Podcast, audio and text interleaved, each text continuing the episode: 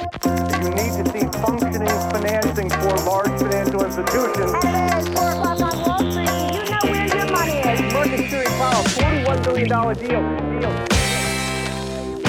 Då är det dags för höstens andra bonusepisod och jag har en liten fundering. Har du någon gång när du går in på en hemsida funderat på de här cookiesarna som man måste godkänna där de säger att de bryr sig om din integritet eller att man vill anpassa användarupplevelsen så att det blir så bra som möjligt?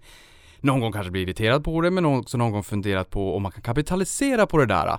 Eller penningtvättsfrågorna som vi eh, ser allt mer i media nu på senare tid. Och det är faktiskt så här att jag har med mig ett bolag som försöker slå mynt och kapitalisera på just de här trenderna. Jag har med mig ett bolag som heter Transcendent Group som ska listas på Nasdaq First North Premier och VD Martin Malm, så jag säger varmt välkommen till podden. Tack så mycket. Vi brukar göra så här, vi brukar börja från början, så jag frågar vem är Martin? Ja, jag är en 46-årig eh, varannan veckas pappa med två pojkar, 10 och 13 år gamla. Eh, jag eh, har gjort ganska många olika saker i mitt liv. Jag började som elektriker och har jobbat inom restaurang och servicebranschen länge innan jag kom fram till att jag skulle utveckla mig och ta en utbildning och bli expert på eh, data och informationssäkerhet. Um, har jobbat inom det området i snart 20 år. Jobbat på Transcendent i nästan 16 utav de åren. När jag inte jobbar så eh, gillar jag eh, vatten i flytande eller fryst form. Det låter alldeles underbart. Någonting som både jag och mina lyssnare har sett den senaste tiden är ju självfallet diskussionen i Sverige när det kommer till Eh, kraftförsörjning. Och du har ju varit elektriker och då måste man ju bara fundera liksom som en liten utsvävning. Klarar vi av kraftförsörjningen i Sverige och liksom ökad BNP och massa nya fina häftiga bolag som ska borga för våran framtida tillväxt. Och alla elbilar som ska vara där ute. Vad, vad, är din liksom bild av det som ändå har varit i skrået? Jag kan väl säga att eh, en del utav eh, våra kunder jobbar ju väldigt mycket med att säkerställa att man ska få tillgång till det där. Det är ju ett område som vi också känner till kan bli utsatta för eh, former utav påverkan eller störningar. Så att eh, det där handlar ju väldigt mycket om att ha tillgänglighet till det också. När du säger påverkan och störningar. Innan vi kommer in på vad Transcendent Group gör, jag måste bara fråga för att eh, det kanske är att gå händelserna i förväg, men ni jobbar en del med informationssäkerhet eller cyber security som är liksom ett, ett riktigt, riktigt buzzword där ute. När du säger sådär så uppviglar du mig till att tro att det är eh, kraftverk och kanske kärnkraftverk etc. och att man måste liksom ha säkerheten på plats och att det, det hela tiden löpande sker attacker mot eh, kritisk samhällsinfrastruktur. Är det en, en, liksom en, en nisch eller en bit av er kundbas? Ja, det stämmer. Vi jobbar en hel del även med den typen av kunder. Mycket intressant, men det där är också något som vi kommer komma in på. Men vi börjar återigen från början. Vad gör Transcendent Group? Transcendent Group är ett eh, företag som eh, tillhandahåller experttjänster inom eh, governance, risk och compliance, vilket man då kan jämföra, enkelt uttryckt säga att det, vi jobbar med att hjälpa organisationer att hålla ordning och reda. Mm. Eh, jag, jag, tänker det här med att hålla ordning och reda, det låter bra. Håll, håll tätt bakåt, full fart framåt är ju ett, en term jag har lärt mig. Någonting annat som jag också är lite nyfiken på det är Transcendent Group. Vad betyder det namnet egentligen? Ja, det är ju ett amerikanskt namn och en gång i tiden så hade vi faktiskt eh, eh, den amerikanska ordlistan tryckt på baksidan av våra visitkort för att vi själva skulle komma ihåg. Men det är going over the ordinary så att säga. Så att liksom, man ska helt enkelt passera förväntningarna och leverera över förväntningar. Okej. Eh, ni, precis som du var in på, ni jobbar med GRC. Alltså. Eh, eller för den som inte är helt hemma på begreppen här då, kan, kan du utveckla dem lite grann vad de faktiskt betyder? Mm, vi kan börja med G och, och governance eh, på svenska skulle jag väl definiera som ledning och styrning. Alltså att hjälpa våra organisationer att styra och leda i rätt riktning. Eh, risk är ju enkelt översatt även för de flesta. Det handlar ju om att undvika eller hantera, men i vissa fall faktiskt också även att ta risk. Vi är tvungna att ta risk hela tiden. Vi tar risk när vi sätter oss i en bil och vi tar risk när vi bedriver ett företag eller leder en myndighet. Och vårt jobb är att försöka göra det där på ett så bra sätt som möjligt för våra organisationer och kunder. Och compliance eh, på svenska eh, regelefterlevnad, se till att de inte bryter mot de regler och förordningar som finns uppställda. Mm. Och jag tänker mig att de här termerna, nu förklarade du väldigt bra, Men, och du har haft väldigt många år på dig också, men jag menar det, det är fortfarande ganska komplext för en utomstående att liksom få grepp på den här affären. Kan du liksom bryta ner det här till, vad, liksom, vad hjälper ni era kunder med? Alltså ett vanligt vardagligt case? Mm, det kan jag absolut göra. Inom till exempel informationssäkerhet så, så hjälper ju vi våra kunder att, att säkerställa att ingen eh, tar sig in i våra kunders system. Eh, vi, vi hjälper våra kunder att skydda sin information för den är ju väldigt värdefull. Eh, inom till exempel compliance så hjälper vi vår, våra kunder med att eh, följa de regler eh, och förordningar som finns inom bland annat eh, penningtvättsområdet som har blivit väldigt Eh, Eh, aktuellt så jobbar vi framförallt proaktivt. Det är ju vår huvudsakliga målsättning att hjälpa kunderna att hantera det. Men i vissa fall måste vi även hjälpa dem efter att de har råkat ut för en händelse. Jag antar att svaret på den här frågan är att ni liksom, den största delen är proaktiv. Men, men om man måste liksom titta på den proaktiva kontra den reaktiva delen. När, när är kunderna så pass förutseende att de förstår att de behöver skyddet innan det händer någonting eller har ni många kunder som kommer till er efter att det har hänt någonting? Jag skulle vilja säga att det har hänt en ganska stor förändring de senaste eh, tre, fyra åren. Eh, tidigare så var ett väldigt stort fokus på reaktiva händelser medan eh, nu är det betydligt mer proaktivt arbete och det tycker jag är väldigt glädjande. Det är mycket roligare att jobba tillsammans med kunderna att se, se hur man ska undvika negativa händelser än att behöva komma dit i situationer och försöka hjälpa dem att ta sig eh, ur en händelse. Så jag ser det väldigt positivt. Men går det då att säga någonting om att om det är governance risk eller compliance som är den stora delen som flest behöver hjälp med eller är det ganska, liksom, ganska jämnt fördelat? Ja, jag, jag tycker man ska se det som en helhet. Eh, nästan alltid när det gäller det här området så handlar det väldigt mycket om styrning. Eh, du behöver uppifrån och ner styra din verksamhet för att undvika negativa händelser på golvet. Mm det är ju också så här att vi medialt inte minst, vi vanliga dödliga människor som, som står utanför den här världen ser ju att det händer ganska mycket på bolag. I, ibland om det går riktigt snett så kanske det är på första sidan eller liksom i, i, i mittuppslag i tidningarna. Eh, den här regelbördan som har eh, på, som egentligen påverkar oss alla. Det spelar ju ingen roll om du jobbar på ett stort företag eller ett litet företag eller en bostadsrättsförening om det kommer till exempelvis en, en GDPR-fråga. För den ska ju alla ha koll på alla kanske inte riktigt har koll på det men man har åtminstone ont i magen och man vet att man borde ha koll på det.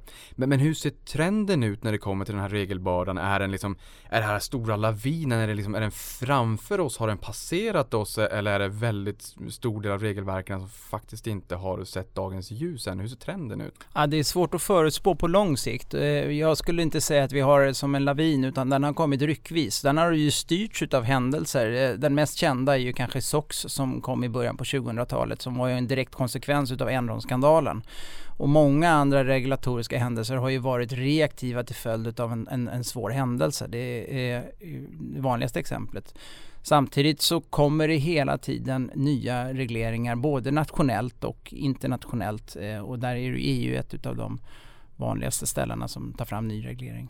Men hur beroende är ni av ny reglering? För jag tänker mig om det är gammal reglering som påverkar väldigt många så är det ju kanske bra för att jag menar eh, köper man en bil så har man hört talas om de här måndagsexemplarerna innan man har lärt sig liksom hur bilen ska sättas ihop och de sista bilarna i den där modellen eh, de är klockrena. Eh, gynnas ni av att det är några få stora regelverk men där det är väldigt många kunder som behöver hjälp eller får ni liksom vind i seglen om det kommer väldigt många nya regelverk? Det, det, enklaste sättet att förklara vår verksamhet är ju att ta jämförelser med regleringar men eh, tittar vi på vad vi hjälper våra kunder med så är det en ganska stor del av det vi gör som inte automatiskt är knutet direkt till en reglering. Eh, och sen så har ju även en reglering en livscykel vilket innebär att man måste jobba proaktivt innan man inför den och sen så måste man ju på något sätt liksom förvalta under det att regleringen finns på plats. Eh, I en del regleringar som har funnits ett antal år så har ju vi som målsättning att hjälpa våra kunder med att effektivisera och minska kostnaderna till följd av det. Och det är ju till exempel där vi jobbar inom governance då, att vi styr kunderna och utvecklar kunderna för att de inte ska behöva ta så stor kostnad. Det finns ganska stora kostnader förknippat med att eh, följa en del av de här regelverken. Ja, men jag tänker också att det känns som att det är ganska svårt att hålla koll på alla regelverk som man eh, ska följa. Eh, de kunderna som ni tar in, antingen att de är uppsökande så att de söker upp er eller att ni, ni söker upp dem. Eh, har en snittkund koll på alla regelverk som, som man måste följa? det där kan man ju svara väldigt snabbt enkelt nej på men, men jag skulle vilja utveckla det och säga att det, den kunden som tar kontakt har ju oftast en medvetenhet och som väljer att man då eh, eh, vill ta kontakt för att utveckla eller utvärdera eller bedöma. Sen finns det nog ett eh, mörkertal med potentiella organisationer som inte har kommit till insikten av att de har behov. Mm. Någonting annat som ligger, som jag tror att väldigt många känner igen åtminstone, det är ju just det här GDPR då, eller dataskyddsförordningen som som berör i princip alla på något sätt. Antingen som individ, konsument eller som eh, att man då kanske sitter verksam i ett bolag eller i en eh, bostadsrättsförening eller vad det kan tänkas vara. Eh, och det är väl kanske ingen riktigt som tycker att det här regelverket är så roligt. Kanske då förutom er, för det blir ju liksom någonstans ert bread and butter. Och jag läste att det här regelverket förväntas kosta 198 miljarder euro att implementera i Europa, vilket är oerhört mycket pengar. Så min fråga är ju självfallet hur ni kapitaliserar på det här då och om det, om det här är en engångseffekt. Eh, att liksom, nu har det här kommit och sen så lyfter vi upp alla kunskapsmässigt i organisationen så att de är på en hygiennivå. Eller finns det löpande intäkter att tjäna på regelverken going forward när alla är någorlunda liksom, eh, compliant? Eh, jag jobbade med personuppgiftslagen redan i början på 2000-talet och, och, och tittar man på, på, lagstiftningen så är det ju i stort sett samma principer. Så att det har ju funnits länge. Den, den stora skillnaden är ju risken för eh, sanktioner och att de kan vara väldigt stora. Och det är ju det som har liksom varit isbrytaren för alla organisationer. Man har konstaterat att det finns en stor rädsla och det kostar potentiellt väldigt mycket pengar och då kan man ju därmed väga in att det också finns en, en stark anledning till att få det här på plats. Givetvis när varenda organisation som på ett eller annat sätt hanterar personuppgifter måste få det på plats så leder det till eh, ökat arbete för oss som är experter på det här området. Eh, det är ju eh, en stor volym, har varit en stor volym kring eh, regeldatumet som då var i maj 2018. Men samtidigt så är det ju ett stort behov att upprätthålla och hjälpa till. Så att vi jobbar ju fortsättningsvis ganska mycket och väldigt intensivt med våra kunder i det här området fortfarande. Ja men för det där tycker jag också är lite intressant. Eh, just det här med att man kanske har tagit en risk tidigare och förhoppningsvis har man, har man liksom varit compliant när det kommer till personuppgiftslagen och allt det där. Men sannolikheten är väl låg för att man, man har alla bolag har hundraprocentig eh, compliance så att säga. Eh, men menar du att när böterna, sanktionerna har blivit så pass ändå stora och kännbara får man ju säga att den här kalkylerade risken som bolag kanske har tagit tidigare, den är inte försvarbar. Alltså det är så pass mycket pengar, det är så pass kännbart att eran eh, tjänst så att säga blir ganska billig i förhållande till de tråkiga exemplen ifall det är så att man inte sköter sig och får en sanktion. Ja, jag tror att marknaden är ganska rationell eh, i eh, det fallet och bedömer sannolikheten för att kunna råka ut för en sanktion och även då konsekvensen av att bli träffad av den. Eh, en liten snabb fråga bara. Jag har också förstått att snittföretaget lägger 140 000 kronor i Sverige på de här kostnaderna, vilket är dubbelt så högt som snittet i Europa. Det blir inte jag riktigt klok på. Vet du vad det beror på att vi lägger i genomsnitt mer pengar i Sverige, eller att företagen får lägga mer pengar i Sverige än i Europa i stort? Nej, jag vet inte det, men eh, eh, om man ska göra ett antagande så har vi en kultur i Sverige av att vilja vara, eh, följa lagen och, och, och liksom vara eh, compliant så att säga, och, vilket innebär att vi i större utsträckning anstränger oss kanske än övriga. Men det där är bara en gissning från min sida. Mm. Eh, förutom eh, GDPR och, och eh, liksom den typen så det här håll tätt bakåt Ja det är väl i och för sig allting med GRC Men jag tänker på norska Hydro som mm. blev eh, hackade eh, och där man begärde en lösensumma Det tror jag att om jag får säga vad jag tror så tror jag att det är väldigt, väldigt vanligt och att man kanske vill ha en lösensumma i bitcoin ibland. Eh, men att bolagen inte räcker upp handen och säger vi har eh, blivit hackade eh, därför att det är en skala för varumärket. Så att mörkertalet är säkert jättestort som behöver er hjälp. Det där kan ju du bättre än mig. Men där sa man att man inte betalade någon lösensumma. Men däremot så var man tvungen att ställa driften från eh, automatiskt till manuellt läge och det kostade en halv miljard norska kronor och det var inte ett jättelångt driftstopp men det blir sådana enorma summor. Ni har ju en rätt stor del av era intäkter, runt 30% av topplen kommer ju från era informationssäkerhet. Skulle ni kunna vara med och hjälpa till i ett sånt fall för att förhindra ett norskt Hydro? Ja, det där är ju ett typexempel på hur vi jobbar med våra kunder och i och med att allting har blivit så automatiserat och styrt så, så leder ju eh, en, ett intrång eh, förut ledde till att det kunde vara information som gick förlorad men nu är ju maskinerna eh, styrs automatiskt. Vi, vi har till exempel hjälpt kunder med att bedöma, vi har hackat tåg och, och man kan konstatera att det finns möjligheter att styra all form av infrastruktur i, på, på det sättet så att vi har ett eh, känsligt samhälle. Vi kommer också att komma in på eh, hur typkunden ser ut. Men här blir jag ju väldigt eh, nyfiken ändå. Det tror jag väldigt många som blivit nyfikna. Inte minst de eh, preppersna där ute som kanske preppar om det så att vi får någon attack mot samhället. Eh, just eh, väg, vatten vatten, tåg, flygtrafik etc. Eh, är det en eh, kärnkraftverk inte minst? Är det liksom en stor del av, av eh, era kunder som faktiskt är samhällskritisk infrastruktur? Jag menar vi såg Transportstyrelsen här i fjol var det va? När vi inser att vi kanske inte har så bra säkerhet som, som vi tror att vi har. Är medvetandegraden, ibland säger vissa människor till mig Niklas, det är mycket jobbigare att jobba mot stat, kommun och landsting än privata företag. Det är olika medvetandegrader, olika incitamentstrukturer är det, är det enkelt att jobba mot det statliga i, i den här typen av frågor? Jag vill hävda att medvetandegraden de senaste åren har ökat eh, exponentiellt nästan. Det, det, det, är ingen utmaning att föra resonemang och diskutera om de här riskerna. Och eh, i början av min karriär när man jobbade och tänkte på de här frågorna så fanns det en tydlig, det här händer inte mig. Och, och, det var svårt att ta de här riskerna för de var så abstrakta i sin utformning. Jag tror att gemene man nu har en helt annan förståelse och bedömningsförmåga att se de här riskerna som eh, konkreta. Ja, men du, nu, nu säger du någonting att det, liksom, det har nästan varit en exponentiell utveckling. Men du har varit på bolaget sedan 2003. Eh, kan, kan, du liksom jämföra då kontra nu? Vad har hänt fram till idag 2019 kontra 2003? Vad är de största skillnaderna?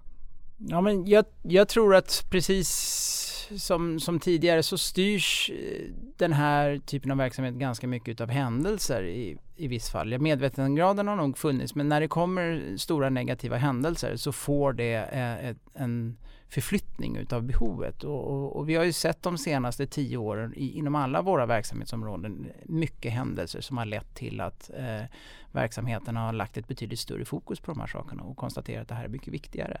Det är för 15 år sedan så var det väldigt, väldigt ovanligt att en, att en stor organisation eller verksamhet på allvar bedömde att de kunde få en driftstörning i, i liksom 500 miljoners klassen till följd av ett intrång. Nu tror jag att de flesta kalkylerar med det på ett eller annat sätt, eller borde göra. Mm. Ja, det är ju oerhört intressant. Jag menar, vi vet att amerikanska centralbanken, Federal Reserve, Jerome, eh, eh ordförande Jerome Powell har själva sagt att det, det som kan hålla han vaken om natten i en intervju i 60 minutes var att Eh, man blir hackade eh, och att det stjäls pengar och vi vet att det har stulits pengar från centralbanker i Asien. Så att det här förekommer ju faktiskt. Finns det någon del inom informationssäkerhet, cybersecurity där ni inte är verksamma, där ni inte kan hjälpa till? Många av mina lyssnare tänker cybersecurity, det finns massor av intressanta spännande bolag noterade i USA eh, kring det här fenomenet. Eh, ni har, det här är en rätt stor del av er verksamhet. Är det liksom de amerikanska bolagen kontra er? Är det någonting ni inte kan hjälpa till med? Ja, vi är väldigt måna med, om, om den etiska dimensionen när man jobbar med det här. Här är det väldigt viktigt att ha en tydlig dialog med våra kunder så att vi undviker nogsamt alla former av situationer där det här arbetet som vi hjälper till med kan på något sätt vara oetiskt. Det är väl den viktigaste aspekten. Sen är ju våran målsättning att förbättra och utveckla kunden så vi har ju väldigt tydliga idéer och synpunkter hur vi kan göra det här på bästa sätt. Så vi hoppas ju och försöker ju styra våra kunder i den riktningen för att vi ska kunna lämna ifrån oss en struktur som gör det bättre för kunden. Eh, och därför så, det är ju våran målsättning när vi jobbar med informationssäkerhet. Mm. Vi undviker situationer där man helt enkelt liksom provocerar eh, eh, kundstrukturer, vilket man kan göra. Man, man, kan till exempel jobba med så kallad social engineering, alltså att man, man, man medvetet försöker provocera och utmana delar av organisationen för att de ska begå misstag och det undviker vi. Mm. Eh, och hur pass i dagligdags, för jag tror att det är väldigt många som lyssnar på det här som tycker att just den här delen kring informationssäkerhet är oerhört intressant. Eh, hur, hur jobbar ni med den? Är det liksom proaktivt för att skydda att, att det ska ske en attack på ett bolag eller att någon anställd ska begå misstag och klicka på någon länk etc. Eh, e-, eller hjälper ni även till om det är så att man blir hackad? Jag menar den här oerhört jobbiga hackerattacken man skyller Nordkorea för med, med WannaCry. Eller om det kommer ut en publikskadlig eh, kod och man, man hittar eh, bakvägar in i, liksom, i Microsofts mjukvara. Är ni där blixtsnabbt och täpper igen det där? Eller hur jobbar ni med informationssäkerheten? Till största delen så jobbar vi med eh, det proaktiva arbetet och det där är ganska, det är en holistiskt arbete där eh, i, i stor del så jobbar vi med styrningsmodellerna. Vi hjälper organisationens ledningar att styra detta på bästa sätt. Och sen så kommer vi ner i den tekniska dimensionen också där vi vill verifiera att det som har kommit på plats också är eh, hållbart och säkert. Eh, så att ganska liten utsträckning är vi inne i och tittar liksom på kodkomponenter och sådana detaljer. Men vi jobbar definitivt reaktivt med att hantera eh, intrång som har kommit. Och där jobbar vi med att försöka liksom härleda vad är det för någonting som har skett. Förutom det så tänker jag mig också att är, är det någonting som gör att både min och lyssnarens polett trillar ner lite grann så är det just den här typen av skräckexempel när man får en aha-upplevelse. Kan du dela med dig av något fler exempel förutom Norsk Hydro? Nu vet inte jag om ni var delaktiga där eller inte och hjälpa dem sen. Men något fler exempel där det är så att antingen var vi där och hjälpte till eller så hade vi kunnat eh, stoppa eh, en sån händelse. Ja, det, det där är ju väldigt känsligt förstås och då är det ju viktigt att jag generaliserar. Men Dels så kan man ju titta på det här utifrån Norsk Hydro-dimensionen och då pratar man ju om ganska mycket pengar. Annars så kan man ju titta på vad som skulle ha kunnat gått galet. Och eh, det finns flera exempel där vi har jobbat med våra kunder där vi konstaterar att deras brister har, lett, har kunnat leda till att, att människor skulle kunna komma till skada inom till exempel infrastrukturen. Det har vi ju sett och ser exempel på eh, fortsättningsvis. Och jag tycker ju trots allt att det människoliv-dimensionen är ju bra mycket allvarligare och, och, ett bra exempel att ta där, då skulle jag vilja säga inom hälso och sjukvården. Eh, redan för en 9-10 år sedan så jobbade vi ganska intensivt. Vi gjorde en utredning av eh, riskerna inom hälso och sjukvården där man då har lex Maria för att bedöma antalet skador. Vi konstaterade att redan där så var det ett 20-tal människor som faktiskt hade förolyckats i Sverige till följd av brister i sina IT-system. Det tycker jag är väldigt alarmerande. Okej, ja det är det ju absolut och, och, är det någonting vi vet så är det att det finns väldigt mycket IT-legacy i ett system också men det kanske är en, en sida av, av, myntet som man kanske inte riktigt får höra om. Det är kanske inte det som skrivs i, i, i media på måndag morgon men likväl så är det en ganska intressant eh, reflektion. Är kunderna medvetna om den typen av sårbarheter när, när ni möter kunden eller är det någonting som ni förklarar för dem varför det är bra att, att liksom att ta er hjälp och att, att minimera den typen av risker? Det blir en, liksom en eh, polett som trillar ner även för dem. Eh, kundmognaden varierar över hela spannet. Eh, de mer mogna kunderna tar kontakt i, i ett proaktivt läge för att de vill säkerställa att de har ordning och reda. De mindre kund, mogna kunderna tar kontakt efter att en händelse har inträffat. Mm. De här regelverken, är det domestika regelverk i störst utsträckning eller är det EU-regelverk? För jag tänker mig att EU är det mycket enklare, det blir mycket, mycket mer skalbart om det kommer ett regelverk som gäller i hela EU. Om, om man får liksom titta på de två komponenterna, är det mest domestika regelverk som kommer att ni måste anpassa till den enskilda marknaden eller är det mest EU-regelverk som kommer i den här batchen som är på väg ut i marknaden? Ja, tidigare var det eh, mer nationella eh, eh regelverk men eh, de senaste åren så har allting mer eller mindre handlat om ganska så stora och generella EU-regelverk. Sen finns det förstås eh, utrymme för vissa nationella anpassningar men i stort sett så styrs det här väldigt mycket från EU. Men det borde ju också vara en, en väldigt fin eh, skalbar möjlighet för er. Jag menar, rätta om jag har fel, men det hade varit sämre om det hade varit ännu mer domestika regelverk. Men det måste ju spela en rakt i händerna att mer och mer centraliseras till Bryssel. Ja, jag är ju EU-förespråkare. Jag tycker att det här är bra för samhället i stort förstås. Eh, så att det stämmer. Mm. Eh, ni säger ju att ni har en eh, väletablerad och stabil verksamhet i Norden, växande internationell närvaro och en tillväxtstrategi. Eh, verksamheten är uppdelad i tre olika segment med etablerade marknader, nya marknader och regtech som ni lanserade i år. Kan du berätta mer om de här olika segmenten? Mm. Våra, vårat etablerade segment det består i dagsläget utav Sverige och Norge. Vi startade Norge 2013 och, och, jag tycker det är ett väldigt bra exempel på vad vi kan åstadkomma i geografisk tillväxt. Vi har gått ifrån att vi startade med en person under våren 2013 till att vi kommer att ha en, en ganska ordentlig omsättning. Vi omsatte eh, 2018 eh, i runda slängar 50 miljoner kronor där. Eh, Så att de etablerade marknaderna har, har, har vi en stark marknadsposition vilket innebär att vi har goda möjligheter att tjäna bra med pengar. I de nya marknaderna så har vi ett större fokus på att ha en mer procentuell tillväxt vilket förstås är inte lika utmanande. Om vi börjar med att rekrytera en person, när han rekryterar ytterligare en person så finns det en tillväxtpotential på 100%. Och därmed så, så skapar vi en situation där de nya marknaderna i sin helhet förser oss med en större andel utav våran tillväxt. Men det här eh, RegTech då, som ni lanserade i år, berätta mer om det. Jag har förstått att det är liksom en liten um, trigger i det här caset. Ja, alltså det är ju otroligt spännande. Det är väl ingen som har gått miste om eller missat digitaliseringsdiskussionen som har varit. Vi, vi påbörjade arbetet tidigt under 2018. Framförallt, och det här är ganska vanligt när det är Transcendent Group, att det har funnits och drivits lite grann från ett kundperspektiv.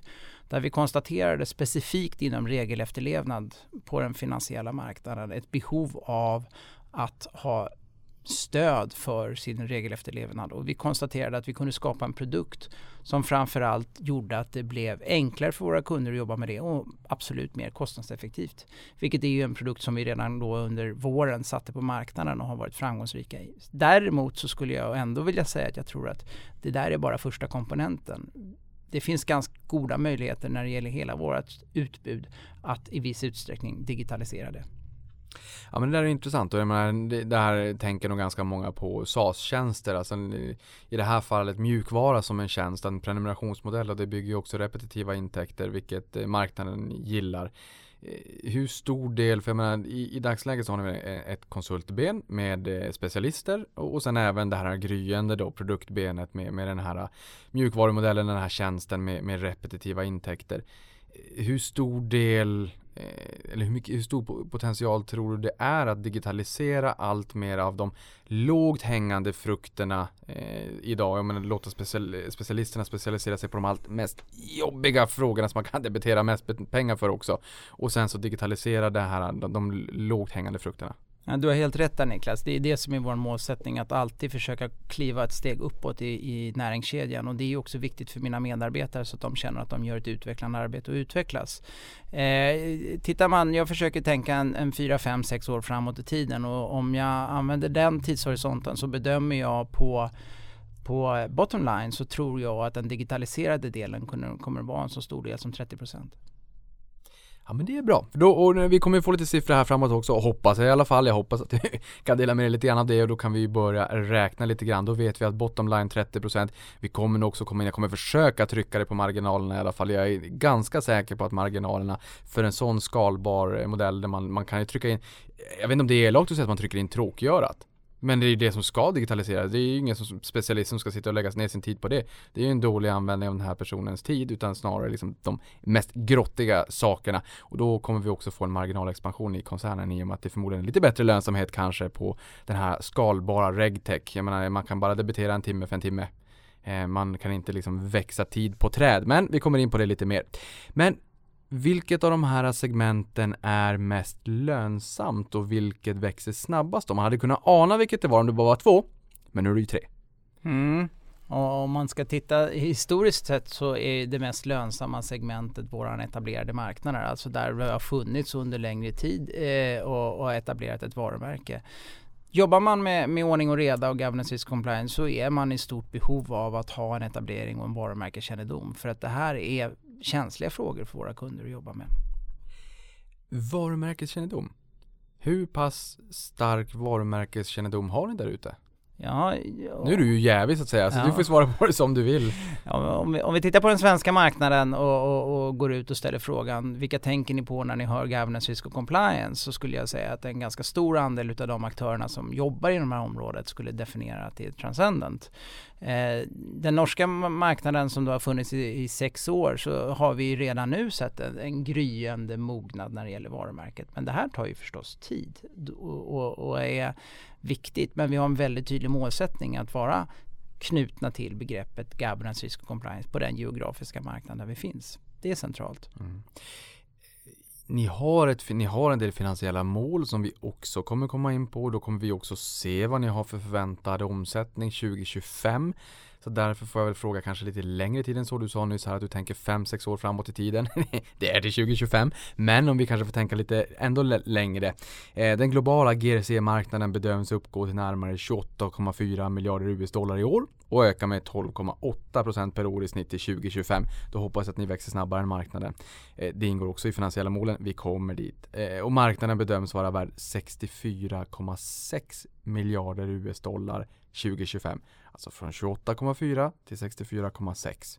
Hur stor är en rimlig marknadsandel för er långsiktigt? Och är den adresserbara marknaden utanför Europa och de harmoniserade regelverken? Drömmer ni om världen? Ja, det är väldigt svårt att sätta en procentuell siffra på det men, men visionärt så anser jag ju att det finns ett behov utav våra tjänster inom governance risk och compliance i Buenos Aires, i Seattle, i Miami, Miami och i Tokyo.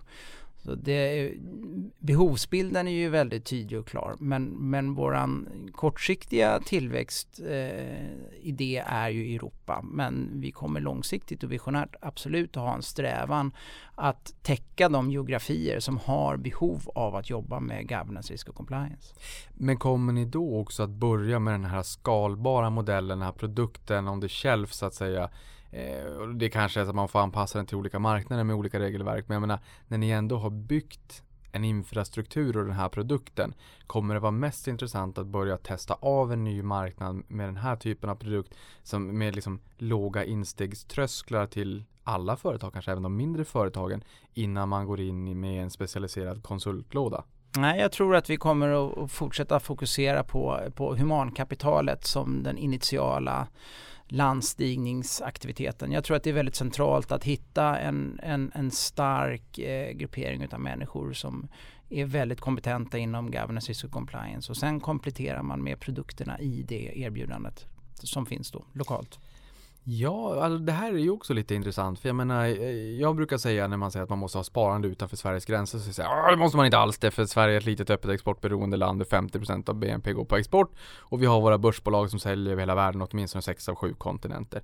Är det enkelt för er att växa med era kunder? Alltså att era kunder finns i stora delar av världen och att ni kanske börjar att hjälpa en kund i Sverige men att ni sen också tar Norge, Danmark, Finland, eh, nere på kontinenten, i andra världsdelar. Är det, är det ett enklare sätt att växa på än att hitta nya kunder i nya marknader och sitta och fundera på var, var ska vi gå in härnäst? Det är, en, det är en stark drivkraft i vår geografiska tillväxtstrategi är att följa med våra kunder ut där de finns. Och tittar man på Norden så är den, den största delen när det gäller den finansiella marknaden är ju väldigt nordisk. Och därför så var det väldigt naturligt att sätta den eh, på kartan först. Samtidigt så har vi en målsättning och behov. I och med att vi rekryterar seniora lokala aktörer så förväntar vi också oss att de individerna har ett nätverk utav lokala. Så att när vi startar i ett nytt land så förväntar vi oss också få nya kunder Eh, men många gånger så har vi ju samtidigt också möjligheten att komplettera med våra befintliga kunder som vi jobbar med internationellt. Mm. Jag tänker också banksektorn. Jag tror inte att det är någon som har missat att eh, det har varit lite turer i banksektorn, inte minst i Sverige. Vi har tyckt att vi har varit förskonade. Det var vi ju inte efter 19 februari när Uppdrag granskning eh, granskade Swedbank och sen har vi sett att de flesta bankerna har haft lite utmaningar. Det är inte bara Swedbank utan det är väl de, det, här är liksom ett, ett brett problem, en utmaning för hela banksektorn och kanske inte hela banksektorn utan faktiskt hela samhället i slutändan. Eh, och man kanske inte är riktigt beredd på hur man ska tackla det här. Det är därför det är bra att ni finns. Men jag såg i eh, information från er att kostnaden för compliance för just finansiella institut beräknas 2017 uppgå till 4% av omsättningen. Kan man tycka ändå en ganska hög siffra. Eh, men fram till 2022 bedöms den öka till 10%. Det är en oerhört hög siffra för en lekman som mig och, och, och se på ett papper rakt upp och ner så här. Eh, finns det en risk för att man helt enkelt förlägger det här in-house för att det blir en så stor kostnadspost eller är det snarare så här att det här har blivit en så stor risk att vi måste ha de absolut bästa experterna som finns och därför outsourca det? Ehm, jag tror att man använder alla tillgängliga medel som står till bruks för att hantera de här sakerna och, och, det finns alla varianter. Det finns varianter av organisationer som har som målsättning att helt och hållet ha eh, personalen inhouse för att lösa de sakerna och sen så finns det de som konstaterar att det är så stora utmaningar med det och så finns det förstås de som väljer att eh, lägga ut den verksamheten helt och hållet. Samtidigt så är det en enorm utmaning att, att eh, hitta och attrahera de här personerna när det är en sån här överhettad marknad. Så det är stora utmaningar att, att lösa. Då skulle man nästan kunna säga att i en lågkonjunktur så skulle ni gynnas. Allt annat lika. Jag menar, eh, nu har vi förstått att den här lådan, det, det, är need to have, inte nice to have. Och man måste liksom hålla rent och städat och välordnat och liksom ha, ha allting eh, på plats. Men, men jag tänker mig i och med att konjunkturen ändå har, är ganska het nu, kanske kommer siffror senast idag då på att konjunkturen mattas lite grann, men jag tänker mig att det blir en huggsexa om, eh, om personalen. Skulle det paradoxalt kunna vara så att vi i en, i en sämre konjunktur, att det är lättare att få in personal men att kunderna fortfarande stannar eftersom att det här, mm, det, det här är någonting de måste ha? Historiskt sett så har ju Transcendent Group klarat sig väldigt väl även när det har varit lågkonjunktur. Eh, I tuffa åren, bland annat 2008, så gick det relativt bra för oss ändå. Ni har aldrig förlorat pengar? Nej. Nej. Det är inte vår målsättning att göra. eh, jag, jag, tror inte att, att, precis den beskrivningen kommer att träffas inte helt. Men däremot så kommer det ju vara som möjligtvis att det kommer att finnas lätt lättare möjligheter att få tag på kvalificerad arbetskraft i en sån situation. Men pratar vi om regelefterlevnad så är det ju fortfarande en väldigt stor risk för en aktör att välja att plocka bort det. Och det här eh, RegTech kommer in som blir väldigt intressant för jag tror väldigt mycket på att man måste effektivisera.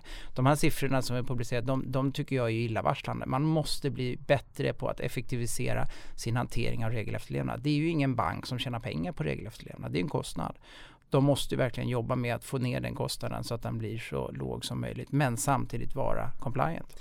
Det är en kostnad men det blir en ännu större kostnad om man inte, om man inte sköter sig. Ja. Så det blir liksom en dubbeleffekt. Det blir liksom dubbelt i favör för er i sådana fall att bara liksom leverera den här produkten och se till att man håller tätt bakåt. Eh, helt enkelt. Men jag tänker också RegTech det är ju som sagt, det är spännande. Det är ju en eh, trigger, ni lanserar den här 2019 och ni tar in liksom det här, eh, ja men allting paketerar det här i en produkt, digitaliserar off the shelf så att väldigt många kan, eh, eh, kan bara kanske börja med den produkten men också att eh, liksom, styckkostnaden, marginalkostnaden för att sälja en, eh, en eh, licens extra för RegTech lär ju inte vara speciellt hög. Eh, och jag har sett att i Sverige så finns det ungefär 1300 kunder potentiellt och runt 12 000 i EU. Ehm, och om vi ska översätta det här då till adresserbar marknad och om vi ska översätta det här till eh, försäljning och marginaler kan vi utveckla RegTech så mycket du får utan att säga för mycket? Ja, jag tycker att mm, först och främst ska man hålla isär RegTech som då är så att säga dotterbolaget eller den enheten som är ansvarig för det här. Det, det är där vi har valt att lägga vår digitala satsning. Och i, i, i dagsläget 2019 så har vi plockat fram en produkt som eh, vi har satt på marknaden och den produkten har den här potentialen.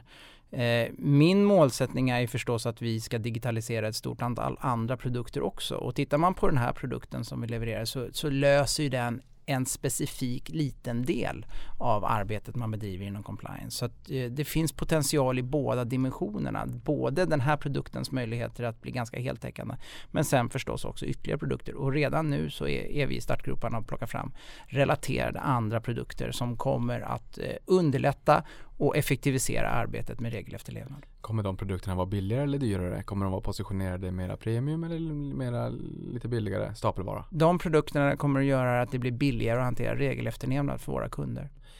Um, och jag antar att, inte, att man inte är helt ute och cyklar också om man säger att det är eh, oerhört mycket högre marginaler på den här typen av satsning kontra i konsultlådan. Eh, marginalerna ser bättre ut men framförallt så är det ju, eh, eh, vi konstaterar att vi sänker kostnaderna för våra kunder genom det här arbetet och det tycker jag är det mest centrala. Och det bygger också mycket mer långsiktiga relationer. Om det skulle vara så att ni tar fram något ytterligare segment framåt. Nu har vi liksom de etablerade marknaderna, de nya marknaderna och sen regtech. Eh, är, skulle det kunna vara så att ni kommer med ett nytt segment i framtiden och i sådana fall vad skulle det kunna tänkas vara? Ja, vi befinner oss ju just nu i åtta länder och har organiserat oss där, där majoriteten av antal länder och dotterbolag befinner sig i de nya marknaderna och det är ju en konsekvens av vår snabba geografiska tillväxt. Och så har vi två länder som vi har mm, till de mogna i de etablerade och på sikt så kan man ju se att vi kanske väljer en annan organisationsform än den klassiska geografiska när man organiserar sig utifrån geografi utan istället titta på mognadsgraden på ett bolag och i så fall så kanske man skulle kunna se att man kanske har ytterligare någon form av kategori på bolag utifrån mognad.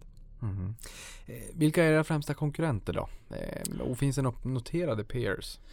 Eh, eh, det finns definitivt konkurrenter men vi har inte så många av dem som är noterade och det är det som är lite spännande. Jag, jag började min karriär på en av de stora internationella revisionsbyråerna och de den eh, tiden där gav mig en enorm insikt och väldigt mycket lärande och jag är otroligt tacksam för den tiden. Det är de fyra stora internationella revisionsbyråerna som vi möter överallt där vi finns. Och tittar man på våran erbjudande mix så finns det inga andra konkurrenter än de som tillhandahåller det på de geografiska marknader där vi finns. Däremot så finns det ett antal nischaktörer som är väldigt specialiserade på många av våra tjänsteområden. Eh, så att vi konkurrerar med fler än dem på så sätt förstås. Mm. Men jag tänker också, för du pratar ju om the big four, du har ju varit där tidigare och fått mycket erfarenhet i, i tidigare skede av livet. Eh, när ni är ute hos kunder, eh, eller det får du också svara på hur faktiskt hur införsäljningen går till. Ehm, vad är vallgravarna som ni bygger kring Transcendent Group? Vad är rusparna? Var, varför väljer man er kontra ehm, the big four liksom, exempelvis om, om man blir approcherad av, av allihopa? Ja, det är en väldig utmaning att, att jobba gentemot så stora och etablerade internationella varumärken när det handlar om att vi levererar tjänster och produkter inom Trust. Eh, det ska man vara ödmjuk inför. Mitt fokus har alltid varit att bygga kring humankapitalet. Jag tycker det är centralt. Eh, så våran USP är helt enkelt att vi har en väldigt stark eh, inställning till att vi rekryterar starka och erfarna konsulter och vi jobbar väldigt mycket i det personliga planet så att vi handplockar de här individerna och vi bygger kring dem individerna när vi etablerar våra varumärken. Och det är en viss skillnad mot oss och våra konkurrenter.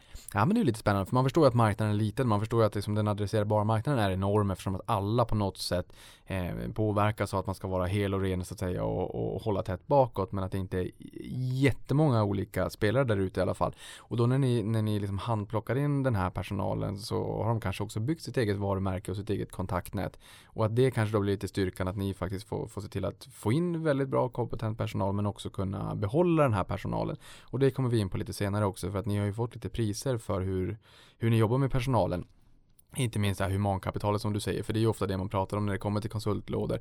Hur ska man säkerställa att värdet faktiskt finns kvar i bolag när humankapitalet faktiskt går hem vid 17 på, på eh, kvällarna. Eh, så att det, vi, vi, kommer att komma lite mera på företagskulturen, en fråga som jag tycker är oerhört intressant om en liten, liten, liten stund. Men man anar ju att det är ju det som kanske gör att ni bygger de här vallgravarna mot konkurrenterna då. När ni träffar de här ute i, eh, i, liksom i kundsituationer när det finns andra aktörer sådär. Vad, är ni prissättare eller är ni pristagare? Alltså är marknaden så glödhet att man har insett så pass mycket att vi måste hålla tätt bakåt. Man ser de här exemplen, typ Norsk Hydro och att medvetandegraden har ökat. Man känner att här, vi måste bara ta in det här, kosta vad det vill för det kostar mer om någonting, någonting dåligt händer. Är ni prissättare, kan ta det priset ni vill eller är ni pristagare, börjar det bli mer av en commodity? Det, mm, vi har ju åtta stycken olika tjänsteområden och jag kan inte svara unisont för alla dessa åtta när det gäller prissättning och pristagning. Men principiellt så är det ju så, i och med att vi rekryterar vad jag tycker är bland de bästa medarbetarna som finns på marknaden eh, från våra konkurrenter så ser jag ju ingen anledning att leverera dem tillbaka till marknaden till lägsta pris. Eh, så därför är inte vår målsättning att försöka ta uppdrag genom att vara billigast. Nej, det låter bra. Eh, en annan så branschstatistik som jag ramlade över det var ju att mjukvaruförsäljningen av system och stöd för här GRC då eh, GRC-arbete utgjorde 63% av intäkterna i branschen i fjol, det vill säga merparten av, av intäkterna.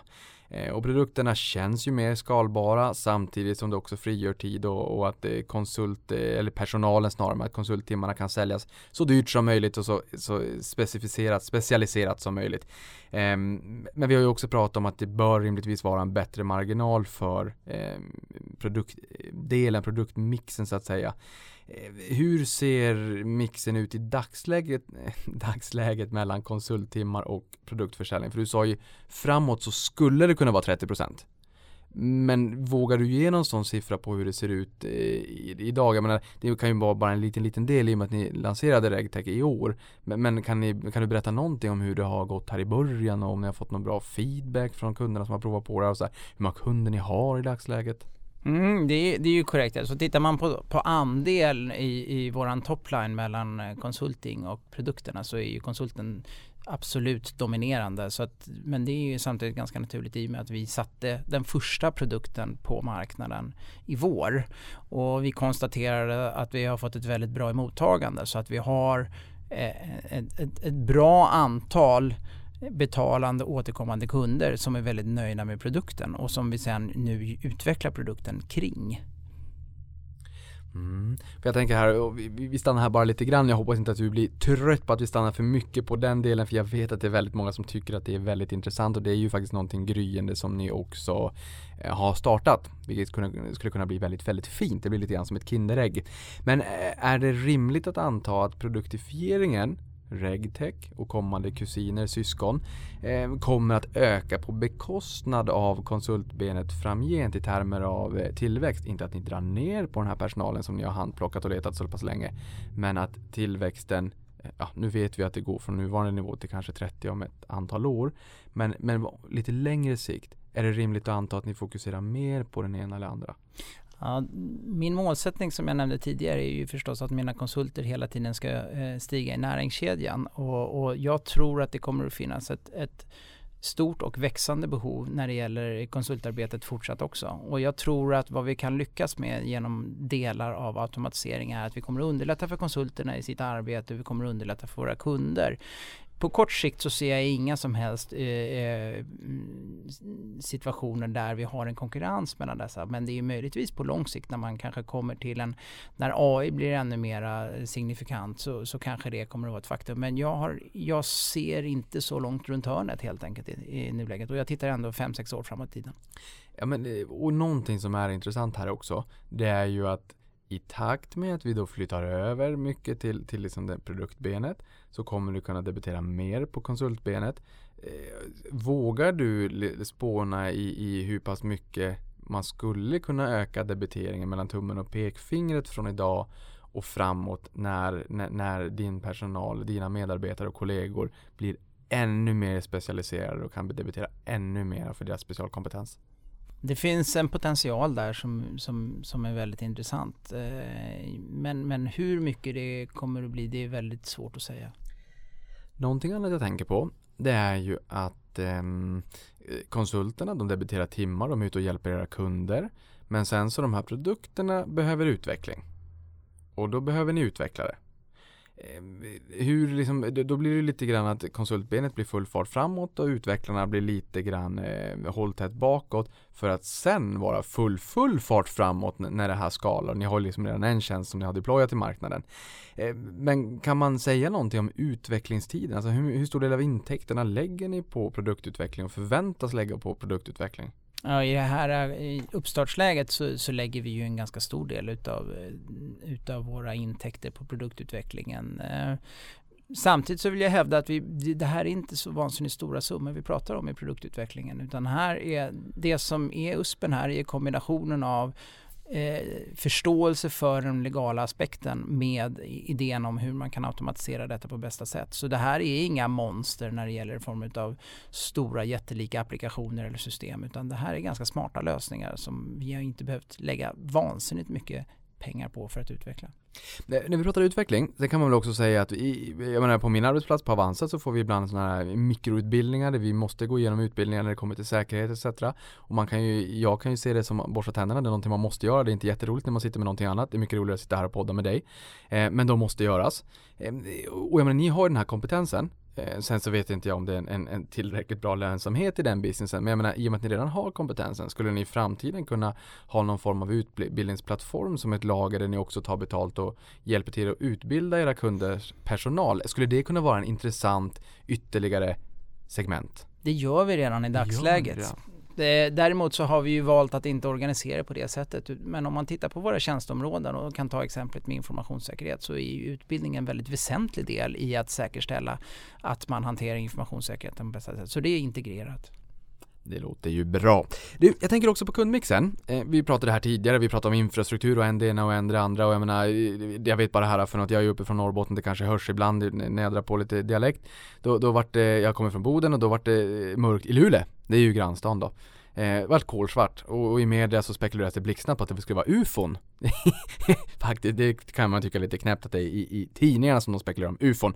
Eh, och då tänker man ju så här att hur sårbart samhället faktiskt är och hur snabbt någonting faktiskt kan ske. Och i och med att du då pratade om eh, just eh, kraftindustrin, du har varit elektriker tidigare också, då blir jag väldigt nyfiken hur kundmixen ser ut. Alltså är det en viss typ av kund eller en viss typ av bransch som sticker ut om vi tittar på era kunder? Hur många kunder har ni? Ja, i, i, dagsläget och den där siffran eh, växer i ganska rask takt så, så jobbar vi med över 400 kunder. Eh, tittar vi på bransch så är den största branschen eh, den finansiella sektorn och det styrs nog till stor del på grund av de regelverken som har varit aktuella. Men vi jobbar väldigt mycket också med den finansiella sektorn inom till exempel informationssäkerhet som inte alla gånger är direkt styrt av ett regelverk. Annars så skulle jag säga att vi är aktiva på alla former av branscher och sektorer. Ja, men för, för det här är en liten fråga också, minnet är bra men kort, jag vet att du var in på det, men i och med att liksom, bankerna eh, står för en, för en stor del, det var 4% av försäljningen här tidigare, nu förväntas det bli 10% om några år. Eh, alltså, som andel av försäljningen de får lägga på compliance-delen, Nordea la 400 personer på toppen, det är ett helt avancerat, det fick mig att tänka till och på lätten och trilla ner, herregud. Eh, hur var det med risken när det kom till att man gör det här inhouse istället?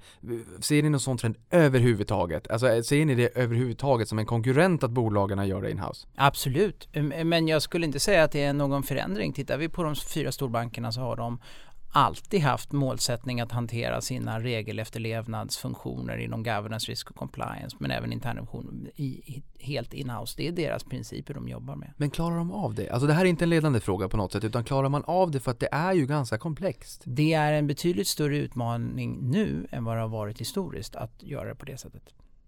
För, för någonting annat jag tänker på, risk här, jag menar, eh, förutom informationssäkerhet, vi har också eh, eh, terrorfinansiering och det är liksom penningtvätt i mångt och mycket som har varit det stora diskussionsämnet som har stötts och blötts i, i, i bankvärlden. Och om vi får ta exempel då för att det, liksom, paletten ska trilla ner så hade vi ju den, det, det, terrorattentatet på Drottninggatan i Stockholm här för inte allt för länge sedan. Det är, är ju förvisso en liten tid sedan tiden går fort men jag tror att det, det sitter fast på näthinnan på väldigt många. Och att försöka förhindra terrorfinansiering. Det behöver inte vara att man för över miljontals kronor till ett konto utan det kan ju vara mikroterrorfinansiering. Eh, där man bara för över någon tia eller någon hundralapp och sen så blir det mycket pengar i slutändan på något konto. Det här hjälper ni ju också till med. Hur hjälper ni era kunder där ute att, att förhindra eh, exempelvis terrorfinansiering? Utmaningarna med att hantera penningtvätt tror jag är en av de, de, riktigt stora utmaningarna som, som vi ser i samhället. Eh, här har ju eh, lagstiftarna ansträngt sig väldigt hårt för att få till det samtidigt som det trots allt är, är väldigt svårt att, att bygga ett regelverk som ska förhindra att sånt kan ske. Det behöver man ju inte så mycket egen fantasi för att konstatera att det här är ju väldigt svårt. Eh, vad vi gör är ju framförallt till största delen arbeta i det proaktiva arbetet. Att försöka hjälpa våra kunder att sätta processer och rutiner på plats för att det ska fungera på bästa möjliga sätt. Bland annat förstås för att det ska vara eh, eh compliant men sen också för att de ska kunna arbeta på ett förståndigt och bra sätt. I slutändan så kommer det här bli en konkurrensfördel för de finansiella instituten om man hittar metoder att jobba smart och eh, compliant med det här området så kommer man ju kunna jobba och underlätta för sig själva och för sina kunder på ett bättre sätt än sina konkurrenter. Och det tycker jag är väldigt viktigt att titta mm. på också. Eh, om vi tittar på kundbasen då, 400 kunder, det växer ganska, ganska fort sa du. Hur länge stannar en kund i snitt? Kan man säga någonting om det? Hur stor körn har ni? Ja, mm, jag har ju förmånen och det tycker jag är väldigt viktigt även om jag är VD att få jobba som, som konsult också. Det, det är en central del framförallt för att jag tycker det är roligt och jag jobbar med ett par av kunderna som, som jag har jobbat med sedan 2003 när jag kom till Transcendent Group och eh, en av de kunderna jobbade jag med på tidigare arbetsgivare innan så jag vill ju hävda att eh, det, det, finns en kärna utav vår kundbas som vi har jobbat med i gott och väl över tio år. Sen så finns det också andra kunder till oss som, som, som eh, är kunder till oss under en längre period men de har ett behov som kommer och går. Vilket innebär att vi har väldigt långa relationer men det kan vara så att under en viss period så har de inget aktuellt behov men när de får ett behov så blir vi kontaktade. Den absolut största delen av våra intäkter kommer ju utifrån att vi blir kontaktade utav våra kunder. Mm. Ja men det är ju bra också för då antar jag att det är inte är så stor del. Hur många anställda är ni? Ja, vi börjar närma oss 150. Ni börjar närmare 150.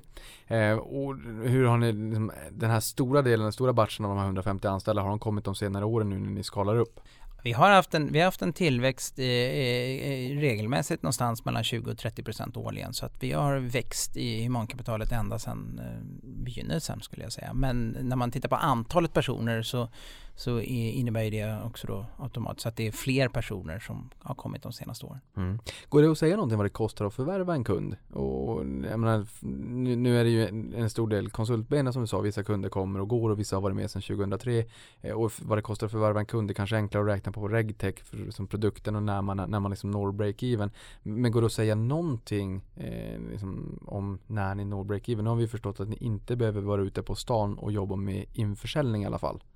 Nej, jag, jag, kan absolut inte säga det tyvärr. Utan vi, vi har aldrig kalkylerat i, i, i kostnader när det gäller att attrahera eller rekrytera våra kunder. Utan det, det, en ganska liten del utav vårt operativa arbete är aktivt säljarbete. Vi har Eh, Eh, i, nu i, i höst så första gången vi anställde en person som hade till uppgift att bara jobba med försäljning och då är vi över 150 anställda. Annars så är det våra medarbetare som säljer och till största delen så sker försäljningen på deras befintliga kunder som de jobbar med där kunderna ser ett utökat behov eller vill ha hjälp med någonting annat. Ja, okej.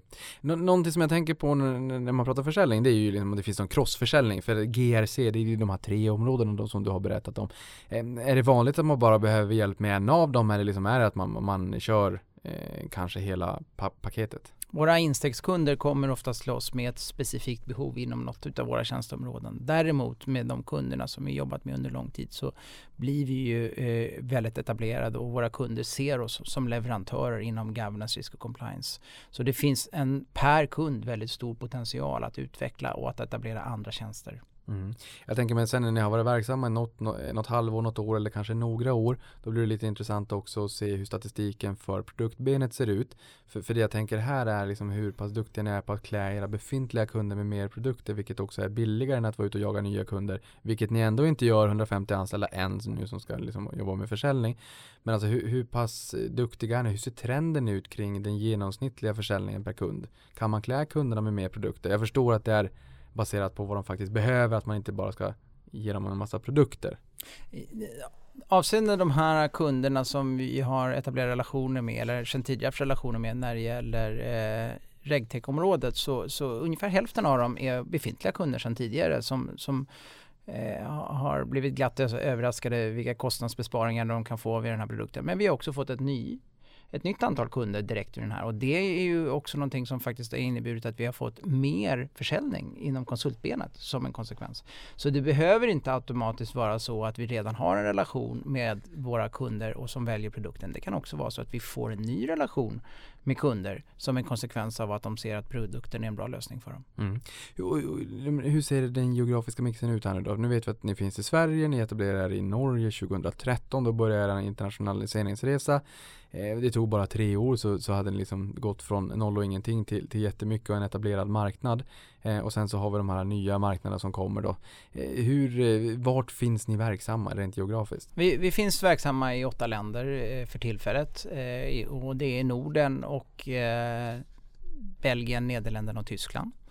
Eh, där Nederländerna och Tyskland är de senaste etableringarna. Eh, vi har en väldigt tydlig geografisk målsättning att, att kunna fortsätta växa och i det korta perspektivet så ser vi eh, ett antal länder i Europa som vi tror har ett stort behov av governance, risk och compliance och där det finns en marknad som vi bedömer att vi har ganska goda möjligheter att kunna gå in och konkurrera på. Ja, för jag tänker regelverken här, väldigt mycket kommer från Bryssel, väldigt mycket är eh, harmoniserat i Europa. Ni blir specialister, ni är och blir ännu mera specialister på de här regelverken. Det måste ju vara som handen i handsken. Det är samma regelverk i Sverige, Stockholm som vad det är vart som helst i, i, i Europa så att säga. Eh, jag tänker, när man eh, etablerar en sån här ny marknad, det är klart att det finns ju kringkostnader så att säga att etablera sig. Hur långt tid tid tar det att nå break-even på en ny marknad? Ja, vi, har en, vi har en affärsplan som vi sjösätter när vi startar på en ny geografisk marknad där vi har som målsättning att nå break-even inom ramen för 36 månader. Just det, okej så tre år. Det är ju ändå ganska snabbt får man ju säga. Och sen så bidrar de positivt till, till en eh, bottom line helt enkelt. Ja, men det, min förväntan och målsättning med dem så länge de befinner sig i New Market det är att de framförallt ska eh, stödja på topline. Det är det som är min målsättning. Mm. Ni har ju sen starten då, 2003 har du varit med sen, eh, mäktat med att växa 22% om året i snitt per år då. Eh, och framåt vill ni växa ännu mera. Eh, tittar vi på era finansiella mål så är det 25% ebitda-marginal till 2025. 1,2 miljarder i omsättning 2025 och eh, 30% omsättningstillväxt då. Tittar vi på siffrorna för i fjol så var det 181 miljoner kronor och ni ska alltså nå 1,2 miljarder då. Det är eh, strax över 30% om året i linje med finansiella målen. Hur ska ni lyckas med det här? Mm, det är väldigt ambitiösa eh, mål. Ehm, när jag började som VD 2010 så, så, så sa jag till en eh, förskräckt församling utav eh, 12-13 konsulter att eh, vi en vacker dag 2015 kommer att omsätta 100 miljoner. Och det var ingen som trodde på mig då och vi nådde 110 miljoner 2015. Och 2015 så spände vi bågen och sa att 2020 så ska vi omsätta 250 miljoner och vi kommer att befinna oss i fem länder. Och då var det inte så många av mina medarbetare som trodde på mig heller. Så när vi nu har eh, satt nästa mål, 2025, så kommer vi omsätta 1,2 miljarder. Och nu sätter vi inte några specifika mål om vilka länder vi ska befinna oss. Däremot är det en, en väsentlig del av vår geografiska tillväxtsaktning att vi ska nå det.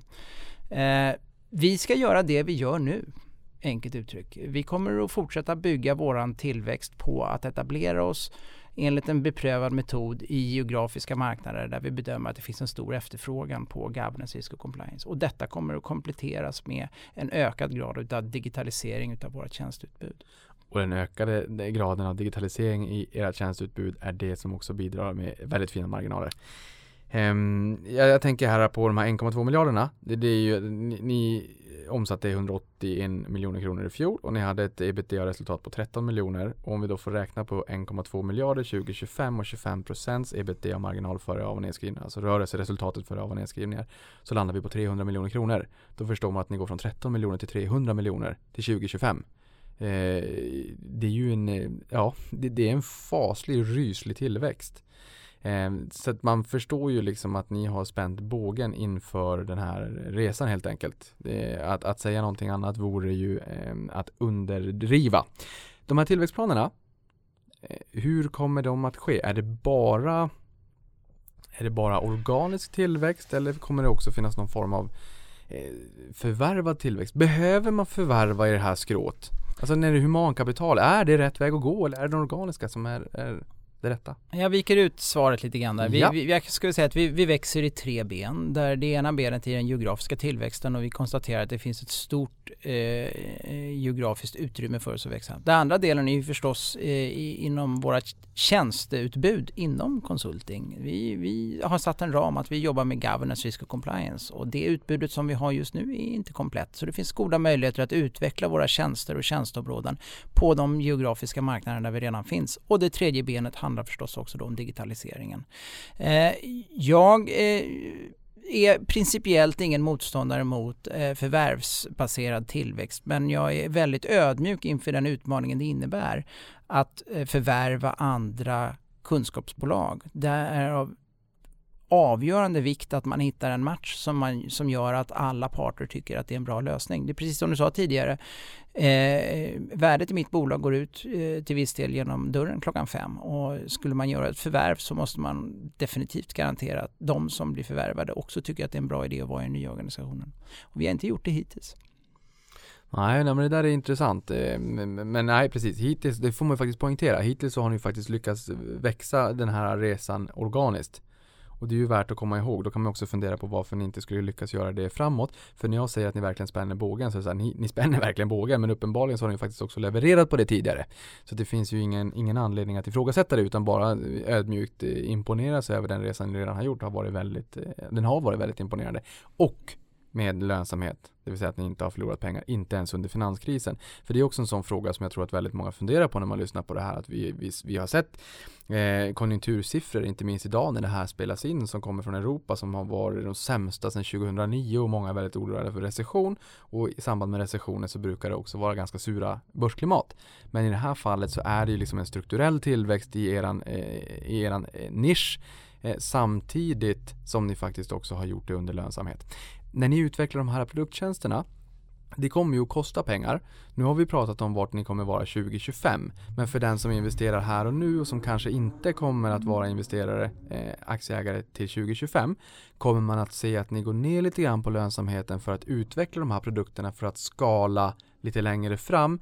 Men, men att ni fortfarande når dit ni säger att ni ska nå till 2025. Förstår du vad jag menar? Mm, Att man får offra lite grann på, på, kortsiktigt för att vinna långsiktigt. Utan att gå in på mycket detaljer hur, hur det kommer att se ut i resan dit så är ju vårt mål är att nå en ebitda på 25% minst 2025 och där är vi inte nu. Eh, hur kurvan kommer att se ut eh, fram till dess eh, kan jag inte eh, uttala mig om men vi är fortfarande ett bolag som eh, har som målsättning och kommer att ha svarta siffror. Det, vi kommer inte att jobba med en tillväxt som innebär att vi inte tjänar pengar samtidigt som vi växer. Det är centralt för oss. Och jag tänkte kommentera lite grann det du pratade om tidigare där när det gäller våran historiska tillväxt. Vi har ju också förmånen att agera på en marknad där det finns en väldigt stor och ökande efterfrågan i sig. Det underlättar när vi ställer så här ambitiösa mål som vi har ställt upp för oss. Mm. Jag tänker också på ebitda, rörelseresultat före av och nedskrivningar. Varför väljer ni det måttet istället för bara rörelseresultat? Jag Ja. vet att folk funderar kring det, inte i ert specifika fall, utan generellt. Och här hade jag behövt min CFO som hade svarat på den frågan. Alright, okej du klarar den här gången då. det låter bra. Men du, eh, en annan fråga. Eh, ni är ju trots allt eh, kunskapsintensivt bolag. Vi har pratat om det i hela avsnittet. Förutom att ni lägger liksom know-howet in i regtech så har ni också konsulterna som är specialister och det innebär också att du sa nästan hela humankapitalet går ut klockan 17. Inte hela, men nästan i alla fall. Några jobbar till sex. Några jobbar till sex, sen går allt ut genom dörren. Hur gör ni för att säkerställa att ni får behålla kompetensen in-house? Jag råkar ju nämligen veta att ni jobbar stenhårt med humankapitalet, ni jobbar med företagskulturen, ni har vunnit priser kring det här. Jag tycker företagskultur är oerhört viktigt. Eh, berätta lite mer hur ni jobbar med det här, för det är också för mina lyssnare kritiskt att ni behåller den här duktiga personalen så att ni kan borga för 1,2 miljarder 2025. Ja, den, den här frågan är helt central och den, den, den genomsyrar allting vi gör skulle jag säga. Vi, vi har eh, etablerade tidigt ett arbete med employer branding och vi har nog på senare tid flyttat det över till i princip prata om employee branding helt enkelt. Det är ett stort fokus på att bygga och utveckla våra medarbetares egna varumärken. Jag tror att den här frågan är, kommer att vara avgörande för alla former av kunskapsföretag när man tittar framåt. Eh, rörelsen på arbetsmarknaden kommer att se helt annorlunda ut än vad den gör redan nu. Vi ser tydliga trender på det och man måste ha en arbetsmiljö som är väldigt attraktiv. Och jag vill nog hävda att vi har den mest attraktiva arbetsmiljön och det är en av våra absolut starkaste konkurrensfördelar. Och där är det lite lättare med ett företag av våran storlek och med våran lättrörlighet att agera än om man är en, en stor internationell spelare med ett par 150-300 000 anställda. Det är lite svårare att införa sådana rutiner som krävs för att kunna vara a great place to work. Mm. Men eh, du är största ägare i bolaget. Mm. och, ni tar in lite pengar, ni tar in 30 miljoner kronor och ni säljer ut aktier för 20 miljoner kronor. Eh, för att då kanske också finansiera den här tillväxtresan som ni står framför. Eh, men hur ser ägarbilden i övrigt ut förutom eh, du? Mm. Vi, vi består av eh, vi är fyra stycken eh, ägare varav en av ägarna är en av grundarna till företaget. Det är viktigt att komma ihåg. Jag kom in i företaget 2003, 2001 startade företaget. Så vi är en av grundarna som fortfarande är ägare och vi fyra tillsammans har en majoritet utav eh, ägandet i bolaget. Sen efter det så har vi ett fördelat ägande framförallt på ledningspositioner i, i bolaget och slutligen eh, närmare 90% av alla våra medarbetare. Vi lanserade ett eh, long term incentive-program, eh, möjlighet för alla medarbetare att köpa in sig i bolaget under våren 2018 och det var väldigt framgångsrikt. Också en viktig komponent när det gäller hur vi jobbar med våra medarbetare och min målsättning är att alla ska känna att man är delaktiga i hur det här företaget går. Och det ställer också en helt annat krav på mig när jag pratar inför mina medarbetare. De är inte bara anställda, de är också ägare. Det där är alldeles underbart. De är ägare, de är partners, ni sitter med i samma båt och man, mm, det blir liksom lite extra att få sitta med i, i båten och kanske också gör att man stannar kvar på bolaget ändå lite längre för man jobbar ju inte bara åt bolaget utan och eh, bygger upp och, och någon annans dröm utan man, man jobbar ju faktiskt för sig själv också. Jag tycker att det är en, en jätteviktig poäng. Eh, de här 30 miljoner kronorna som ni drar in, eh, vad, vad, ska ni använda pengarna till? Majoriteten kommer vi ju använda att eh, ge en ännu starkare skjuts åt eh, våran regtech-satsning. Vi har ett stort antal idéer om vad som vi kommer att bedöma kunna digitalisera och vi kommer att sätta in en en, en, en, stor insats där. Eh, de planerna har funnits redan tidigare, det är bara det att då har de varit framförallt drivna utav vinstbaserade medel. Vad vi kommer kunna göra nu är ju tidigare lägga de eh, utvecklingsinsatserna. Vid sidan av det så är det att vi kommer kunna trycka på gaspedalen lite ytterligare när det gäller den geografiska satsningen. Och slutligen också lägga lite resurser på att hinna med växa in i den kostymen som över 30% tillväxt innebär. Det är en utmaning att eh, leda tillväxtföretag och konstatera att vi hela tiden måste ligga på samma nivå när vi gäller processutveckling. Kom ihåg att vi är entreprenörer också.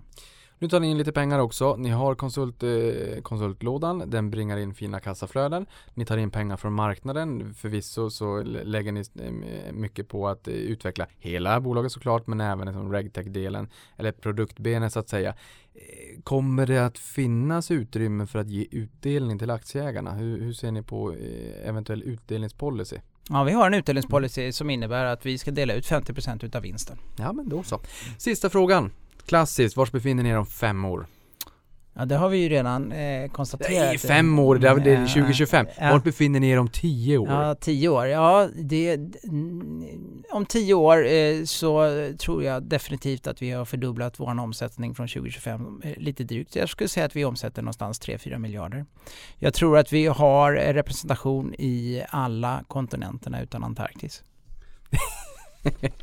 det låter alldeles underbart. Martin, stort tack för att du kom till podden och gjorde oss lite klokare kring, kring hur man håller sig hel och ren och följer alla regelverk. Stort tack och lycka till. Tack så mycket.